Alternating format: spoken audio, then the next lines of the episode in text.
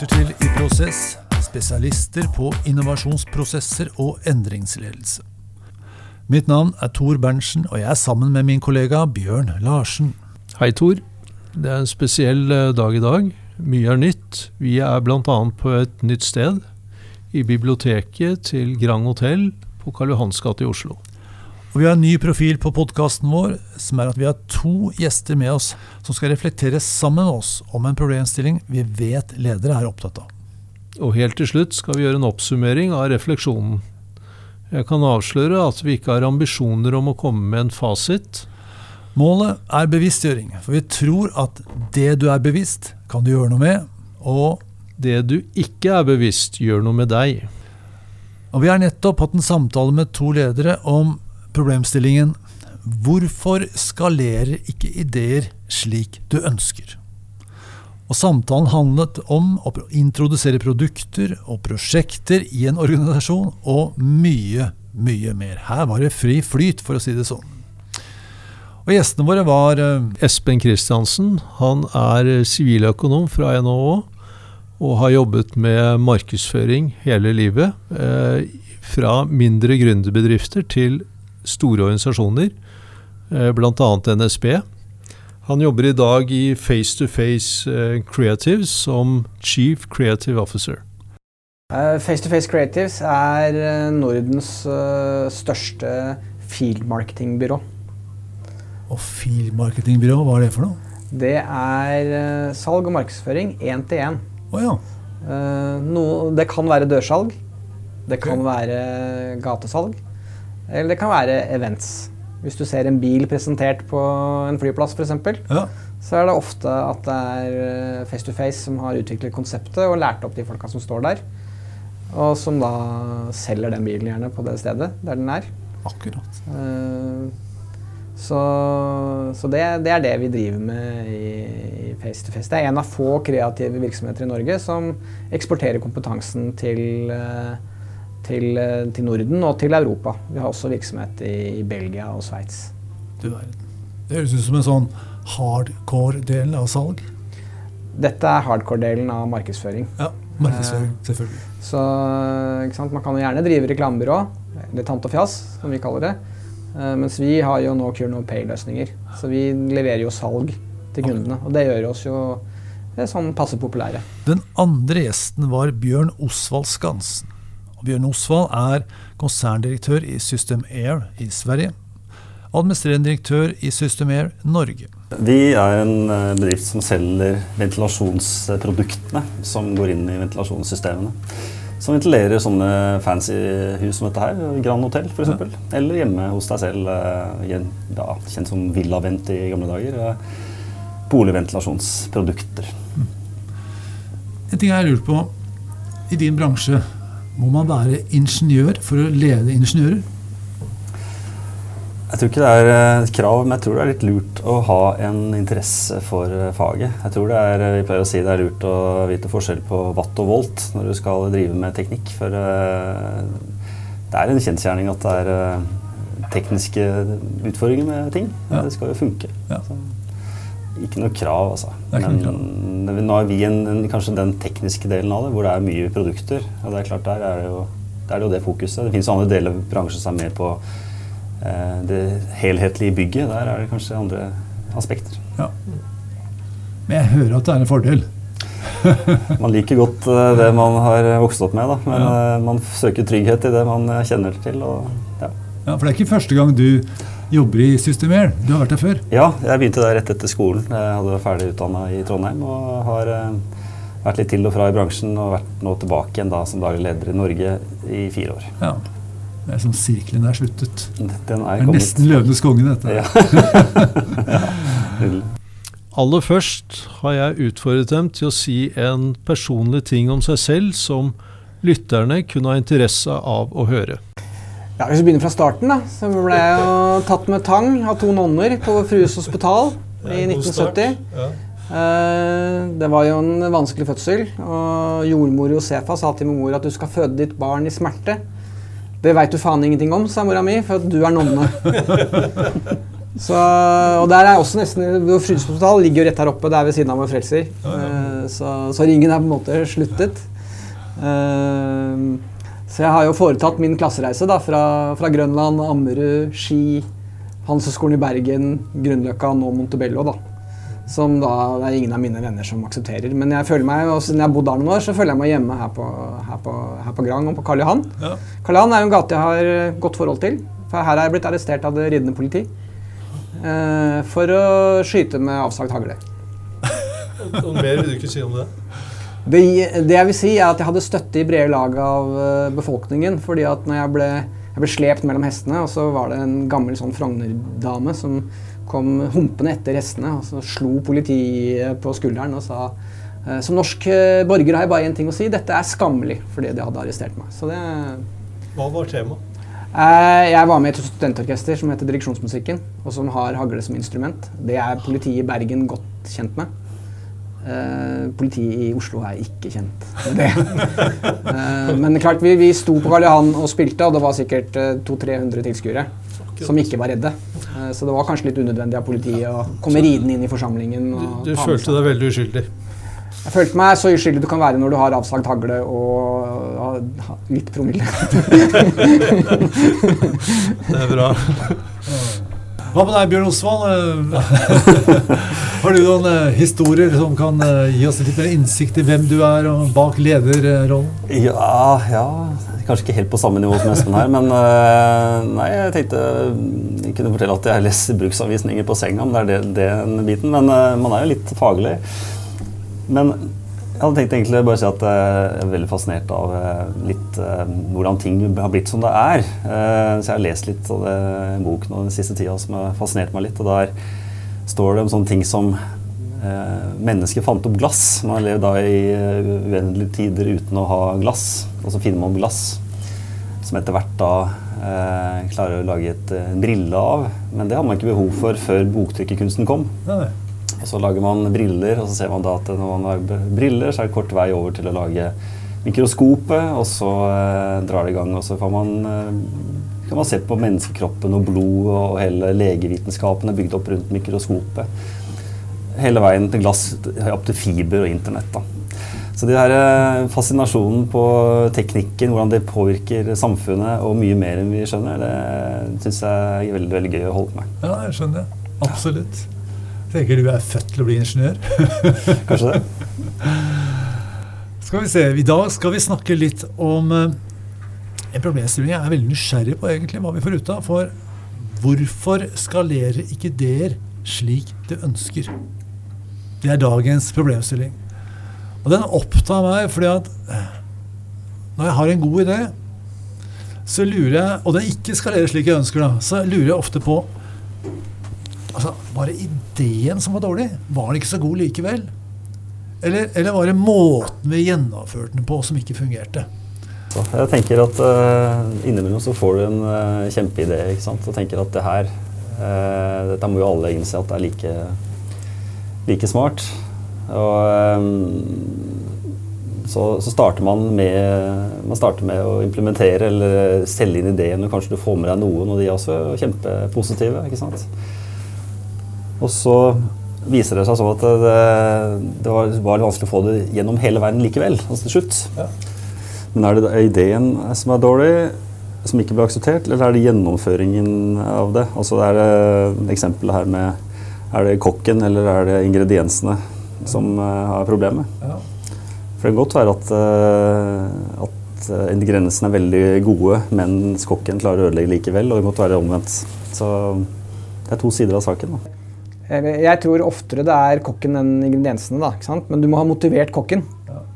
Og Hvis kokken ikke er motivert, så blir det ikke det eierskapet. Og Da er det jo en hel rekke ting som, som bestemmer om, eh, om, man får eh, eierskap. Og i, i, de seneste endringsprosessene jeg har vært med i, så dreier det seg om å skape autonomi. Eh, og det vanskeligste med det er jo at, eh, at, ledelsen må slutte å fortelle folk hva de skal gjøre. Eh, det en, det er, og det er en skjør balanse, helt avhengig av hvor man befinner seg. Da. Eh, for det, det, det veksler jo mellom mellom, mellom, mellom anarki og militære kommandostrukturer. Uh, hvor militære kommandostrukturer, så er det jo Hvis du ikke er i militæret, da, så er det jo ingen som vil høre på deg i norsk næringsliv hvis du jobber i en kompetansebedrift, sånn som vi gjør. Ja. Uh, og så er det det at hvis det blir så autonomt at det grenser mot anarki. Jeg har vært i begge typer systemer, da. Ja. Uh, og alt kan gå, det kan gå til helvete begge veier, da. men jeg har Etter hvert som jeg har blitt mer erfaren som leder, så har jeg jo fått større og større tro på det at min rolle er å drive med service management og prøve å tilrettelegge for at folk er selvstendige. Uh, da tar de beslutningene selv. Da er det lettere å få til de endringene. Uh, eller bli enige om hva som er en god idé, da. Og alle må eie den ideen ja, Det å være selger har noen, kanskje noen meninger om at det kanskje ikke er en bra tittel. Jeg mener tvert imot at det er en kjempebra tittel. Jeg mener det er en kjempe, en honorable deed, som de sier på engelsk, å drive med salg. Et eksempel på det, jeg var på en seminar en gang, og så var vi sikkert 500 stykker i salen. En sånn kjempegreie borte i Sverige. Og så kommer det en fyr eh, som er kelner, og han skal introdusere maten og, og vinen. da. Og en sånn stor, altså Mat på 500 personer og vin til 500 personer, det er jo det er vel sånn som det er, det. da. Det er sikkert en uh, helt ålreit vin, men det er sikkert ikke det som ligger helt innerst i, i skapet.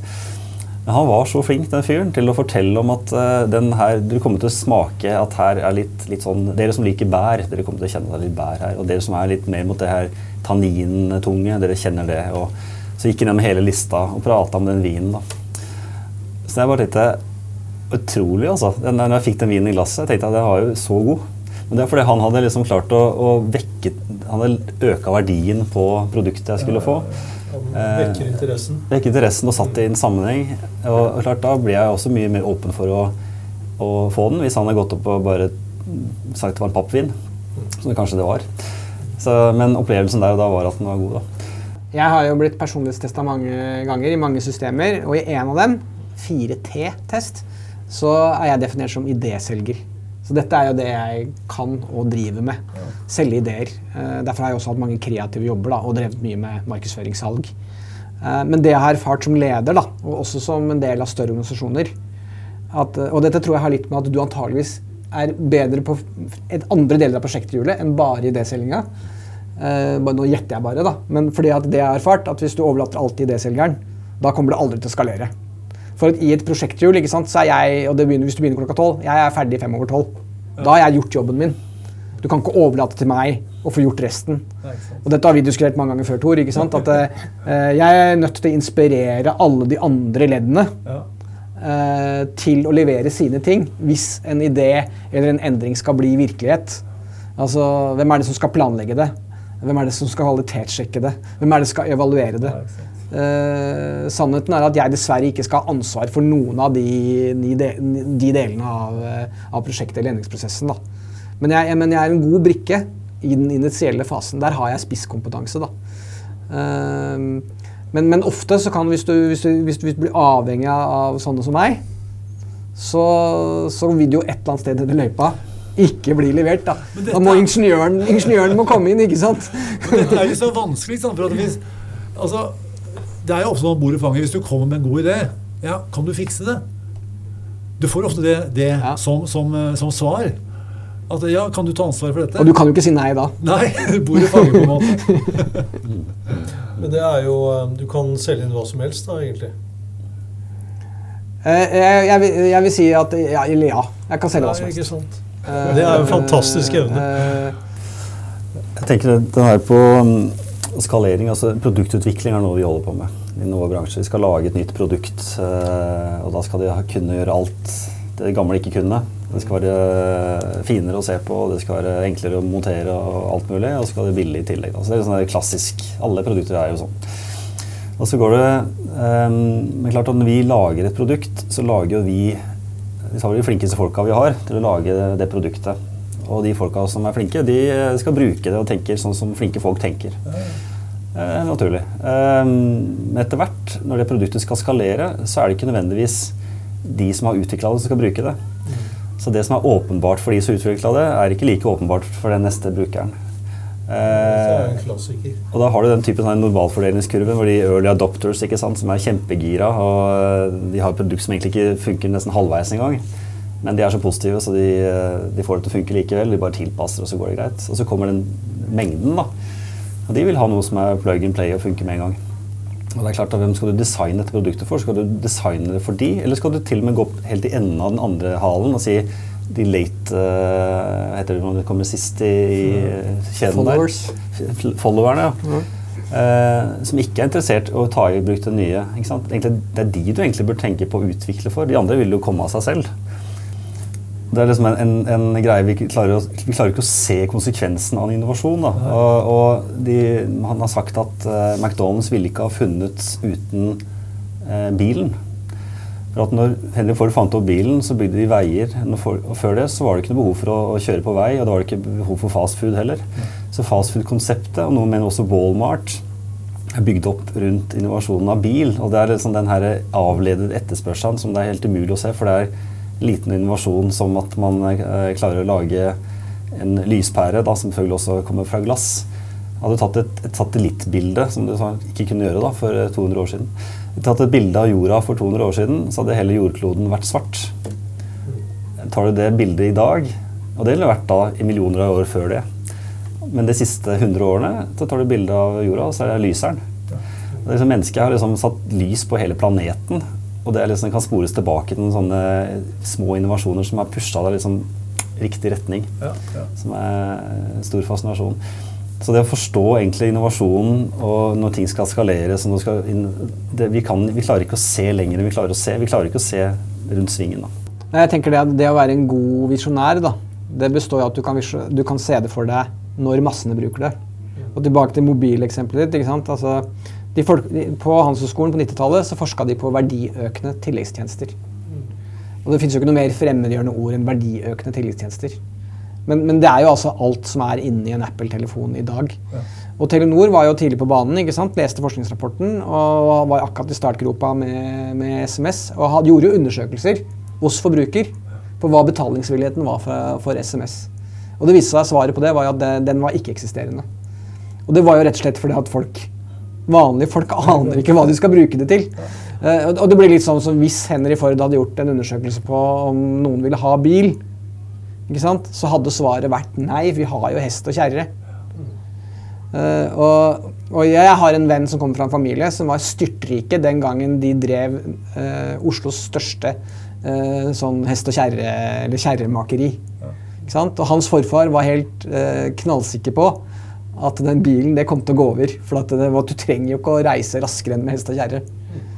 Og, og en generasjon etterpå så var denne familien en av Oslos fattigste. ikke sant? Uh, og det er vanskelig å se, se framover. Men jeg tror liksom, hvis du tar uh, innenfor produktutvikling, så tror jeg liksom, de gode visjonære de har den at de ser at uh, de, de, kan nok se for seg hvordan dette her er i stor skala når de, når de utvikler det. Min far ble 80 år for noen år siden, og da hadde, fikk jeg lese barnebøkene om innovasjoner i dette århundret. Jeg bladde i den for å liksom tenke hva han har vært med på siden han ble født til i dag. Så vi synes det er veldig kult å få Snapchat og mobil med tre kameraer og sånn. Men han var med på da penicillinen kom. Han har vært med på da vi fikk eh, røntgen. Han har vært med på den gang man kunne sette seg på fly og fly til London og hatt møte i et annet land. Han har vært med på den gangen vi fikk oppvaskmaskin og fryseboks og bil. Det er, ganske telefon, det er ganske store ting da, som har kommet de siste 80 årene. Som vi tar så innmari for gitt. tenker at ja, det, Alt skjer så raskt nå. Det skjedde ganske raskt også på 70-tallet, når folk kunne ta, ta, møter i Frankfurt og London. Ja. Så, så, vi må bare få det litt i perspektiv. Og så er det klart at vi aldri har hatt flere vitenskapsfolk enn de har i dag. Det er flere mastergrader enn i dag, så folk har jo heva seg. Men, men eh, de store, store endringene kan vi Får vi en innovasjon som er like stor noen gang som penicillin? Liksom er, den, er, ikke det liksom det største mennesket har gjort? Eller er det ja, Det er helt, helt umulig å balansere opp mot hverandre. Og så er det så populært å trekke fram eh, sånn lyspæra og strømmen og mobilen og sånn, selvfølgelig. Så Ventilasjonsbransjen, da, for å ta litt om det nå. Vi har jo kuldebransjen. altså Det å lage airconditioning. Som eh, man gjorde egentlig i begynnelsen for å kjøle ned eh, kopimaskiner, så de skulle kunne kopiere og fungere. Og så var det Carrier eller noe sånt som vi fant på det. Etter hvert kunne du bruke, lage airconditioning som man kunne plassere da i hus til vanlig komfortventilasjon. Eh, og da Florida, f.eks. En, en stat var helt umulig å bo i. Eh, Atlanta og de, her, eh, sør, de byene i Sør-Amerika. Afrika, eh, Sør-amerikanske statene. Ja.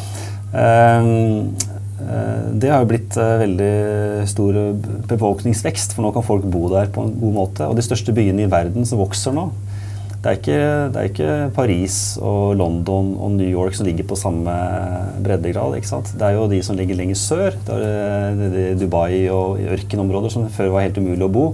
kan man kun bo i fordi man har airconditioning. Det er sånn som mennesker har gjort nå de siste 30 årene, 40 årene, 50 årene. da. Eh, så det er veldig mye innovasjoner som vi ikke kommer til overflaten, for det er kanskje ikke like hypa som en, en Snapchat-app, eh, men som har en stor påvirkning for eh, hvordan vi ser på verden i dag, og hvordan verden utvikles. Jeg tror du er inne på noe, og det gjelder jo ikke om det, bare, om det ikke er produkt, så er det enhver form for endring. da. Så er det sånn at De som ønsker endringen, og som tenker på den, og som skaper ideen, de er på et helt annet sted enn en alle de folka som skal, som skal, nyttiggjøre seg av den ideen, eller være med på den reisen. Uh, og Det er den overgangen der som er, uh, som er vanskelig. Og, og, dessverre så er det sånn selv om teknologien kommer langt så, nei, Det at AI skal inspirere oss, det er ganske langt unna. Ja. Uh, og i påvente av det, eller det tror jeg kanskje aldri går, da, så er det på en måte det det ømfintlige spillet da, som er å på en måte klare å overflytte den entusiasmen. Eller kanskje når man gjør det, så må man jo se for seg hvem det er som skal, som skal ta det i bruk. da. Uh, og det blir vanskeligere desto større en virksomhet er, og desto tjukkere kulturene er. og er, Du må sette deg inn i mindsettet på de du skal jobbe med. Hva er det på en måte, de ansatte er opptatt av? Det er noe der, men den her eskaleringa igjen, da, tilbake til at du har en idé og du er kjempeengasjert. og så For at den skal skalere, så må jeg på en måte skape andre ambassadører. Jeg må ha, hvis jeg ikke klarer det, altså, jeg klarer ikke å dytte alle samtidig, så jeg må skape mm. at du også blir en ambassadør, og du blir en ambassadør. Så dere selv blir selvgående. Og det her, Nå sitter du og har en Mac her. Jeg prøvde å dekke den til med et i-prosess klistremerke, men det lyser gjennom at det er Mac. Og det er jo den og Harley Davidson trekkes fram i de her eh, skolebøkene om uh, det nesten melder seg inn en klubb. Kanskje ikke nå som med Mac, da, men i gamle dager så var det jo ikke mulig å kritisere det. det uansett hvor dårlig det var, så var det mye bedre, fordi det var, det var Mac. Ja. Og Harley Davidson Du har jo hadde en kamerat, eh, en kollega borte i Sverige som hadde en Harley Davidson med masse feil. Så tenkte jeg ok, nå har det vært så mye styr og så mye klaging og sånt. Jeg spurte jeg ok, skal du kjøpe en ny eh, sykkel. Ja, skal det da. Ok, det blir en Honda, da, eller? Nei, nei, nei. Det skal bli en Harley Davidson igjen, da. Mm. Så de er, liksom så, de er så dedikerte eh, på det. Og det er den type entusiaster og drivere du må egentlig få bygd opp tidlig om du skal få skalert en idé. De kjøper, de kjøper kultur. Det er kulturell Altså en kulturell opplevelse å kjøre en Harley Davidson? ikke sant? Ja, altså Det er jo sånn symbolsk merke. da, selvfølgelig, sånn ja, ja. Som man tillegger en sånn inn- og utgruppe, og du liksom tror at du blir yngre eller eldre eller tøffere hvis du kjøper det. Liksom. Det, er, det, er folk, det, er, jo veldig mange produkter som ikke er sånn. De færreste som kjøper en airconditioning hjemme, de tenker på at det blir mer, at det blir mer en klubb. eller sånn. Så det er andre grunner til at det utløser en sånn funksjonelt salg enn et symbolsk eh, merkevaresalg. Ja. Ja, nå er vi inne på, sant, på sterke merkevarer. Da. Mm. Det man bruker en merkevare til, er jo å, uh, er jo å bekrefte egen identitet. Ja. Det, det, det, er uh, Du fremstiller deg selv på den måten du ønsker å være, og dette går ganske dypt når du kommer til merkevarer som er sterke. Uh, Apple, Tesla, Harley Davidson har jo, Det er jo nesten religioner. Eller det er veldig likt religion, da, for det bekrefter hvem du er. Uh, og hvis du skal lykkes med en idé, så er vi også litt tilbake til det med å liksom, ta eierskapet. da. Hvis, det er en del, hvis denne ideen klarer å tappe inn til den kulturen du er en del av, og som er en del av din egen identitet, så vil du ha den motivasjonen som gjør at du kan ta, vid ta ideen videre og tilpasse den, og ikke kjempe imot. Dette var det jeg vil kalle en god samtale hvor den ene assosiasjonen førte til den andre. Bjørn, hva fikk du ut av denne refleksjonen? Jeg syns det var en veldig interessant eh, diskusjon. Og her kunne vi si mye, men det er sånn stikkordsmessig, da, så um, fra Espen, da, diskusjonen rundt innsalg. Ja. Der hvor uh, han vektlegger uh, altså forskjellige personligheter når man skal gjennomføre uh, et prosjekt og, og, introdusere ideer. Og hvor Tidligfasen da er hans spesiale, altså selve innsalgsprosessen. Altså To ting som interesserte meg der. Det ene var at han kan selge alt. Det, er, det syns jeg er uh, interessant. Og B. Ikke gi han ansvaret for hele prosessen. Nei, og, og, det tror jeg, Kan du selge alt, så skal du spesialisere deg der, for da kan du gjøre god nytte for det. Ja. Der har jeg også lyst til å, å nevne eh, refleksjoner fra Bjørn Osvald. Spesielt når han setter da produktutvikling i et historisk perspektiv. Det tror jeg skaper veldig god involvering. Hvorfor er det så viktig? Når menneskene var jegere og sankere, og det var det i 80 000 generasjoner, før liksom den si, moderne tiden begynte å utvikle seg, altså fram til de siste 10 000 årene. Og da var verden og livet rimelig forutsigbart. Altså Du kunne ha mangel på mat og bli spist av ville dyr, men det var den samme type problemer som dukket opp om igjen og om igjen. Mm. Så mennesket har en innebygd skal vi si, bias eller skjevhet som er sånn at vi tror at det vi ser, er alt som er. Mm. Som gjør at vi har en grunnleggende skal vi si, misnøye, eller en sånn hindring mot endring. Ja. Innebygd så tror vi at stabilitet er normalen. Mens det motsatte er tilfellet i veldig stor grad. Ja, ikke sant? Men vi venner oss til, som du sier, at uh, ting skal vedvare. Vi er vanedyr. Definitivt. Ja. Og um, sånn at når, når, man skal tilføre endringer i en organisasjon eller på annet vis, så er det veldig ålreit å kunne se det historiske perspektivet, og hvordan verden, organisasjoner, eh, sammenhenger endrer seg hele tiden. Ja. Og det at vi har et sånt snapshot som ser ut som en stabil virkelighet, det er vår, kanskje vår måte å forenkle det hele på. Absolutt. Og der bryter, Ved å dra det historiske perspektivet så gjør vi to ting. Det ene er vi sier A. Eh, endring er normalt. Mm. Din idé om at stabilitet er normalt, den, er, den stemmer ikke helt. Og B. Hvis du har levd en stund, så har du vist at du kan endre deg. Altså du er, du er endringsdyktig når du vil. Endringsprosesser og kreativitet knyttet til nye produkter og nye prosesser, det er ikke noe som, eh, som forsvinner uten videre. Dette vil få ytterligere momentum framover. Det kan vi være enige om. Det jeg syns var godt på slutten der, var nemlig det når Espen tok fram dette med eh, merkevarebygging mm. og var kulturell identitet, og dette lå dypt inn i menneskesjela. Hvor man da skulle bygge sterke brands, for, um, og det hadde en sånn effekt som gjør at du hadde lyst til å være en del av den klubben eller den skal jeg si, menneskegruppen som brukte dette brandet. Så det hadde en med, dypere mening enn bare bruksverdien eller nytteverdien. Så, og det å, å nyttiggjøre seg dette i endringsprosesser er jo veldig verdifullt. Ja. Hvis du kan bruke kultur som en slags virkemiddel Jeg har lyst til å være med på denne endringen fordi det styrker min identitet og min opplevelse av mening, fordi det er meningsfylt for meg å være en del av endringen, den nye virkeligheten eller den klubben som denne endringen skal vi si, eh, skaper. da. Men det er også eh, kulturell identitet i forhold til hva slags medarbeider man er. Altså Er man en endringsagent? Eller er man en som aldri, aldri endrer seg, for å mm. spisse det litt? Og hvis man kan bygge kulturell identitet i en organisasjon rundt at endring er normalt, og vi er stolte av våre endringsprosesser, at dette er vår kultur, så tror jeg det er veldig viktig. Ja. Og Da er det lettere å få respons for intro av nye ideer. Både de ideene som er spennende å utvikle fordi man ser fremtidsmuligheter, men også de ideene som skal til for å takle problemstillinger, markedssvikt osv., hvor man faktisk må endre seg, hvor det er en nødvendighet. Lederkommunikasjon det er ikke noe som skjer i forbindelse med endring. Det må alltid pågå. For med en gang holdningene får være i fred, så tror vi at endringen, at da, da tror vi livet er stabilt. Og stabilt er jo selvfølgelig bra, vi skal ha stabil drift og sånne ting, men men det må være alltid, liksom, alltid litt dynamikk, alltid litt bevegelse. Hvordan ønsker vi at kulturen skal være? Skal den være veldig spisset mot individet? Eller skal den være spisset mot teamet? Jeg tror i hvert fall her ligger det Det vi får gratis i norsk kultur, er jo individualismen. Det vi må bygge ekstra, det er kollektivisme. Altså fellesskapsfølelsen. Og jeg tror det ligger en gevinst her da, i å bygge et sterkt fellesskap. Hvor du er stolt av å høre til.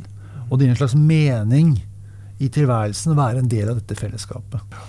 Sy sammen da, Bjørn Osvald Skansen sin evne til å fortelle eh, et historisk perspektiv, og Espen Kristiansen sin, eh, sin refleksjon rundt merkevarebygging. De to tingene sammen får kanskje en sterk organisasjonskultur som man er stolt av å høre. Takk for oss, takk til våre to gjester, og tusen takk til deg som hørte.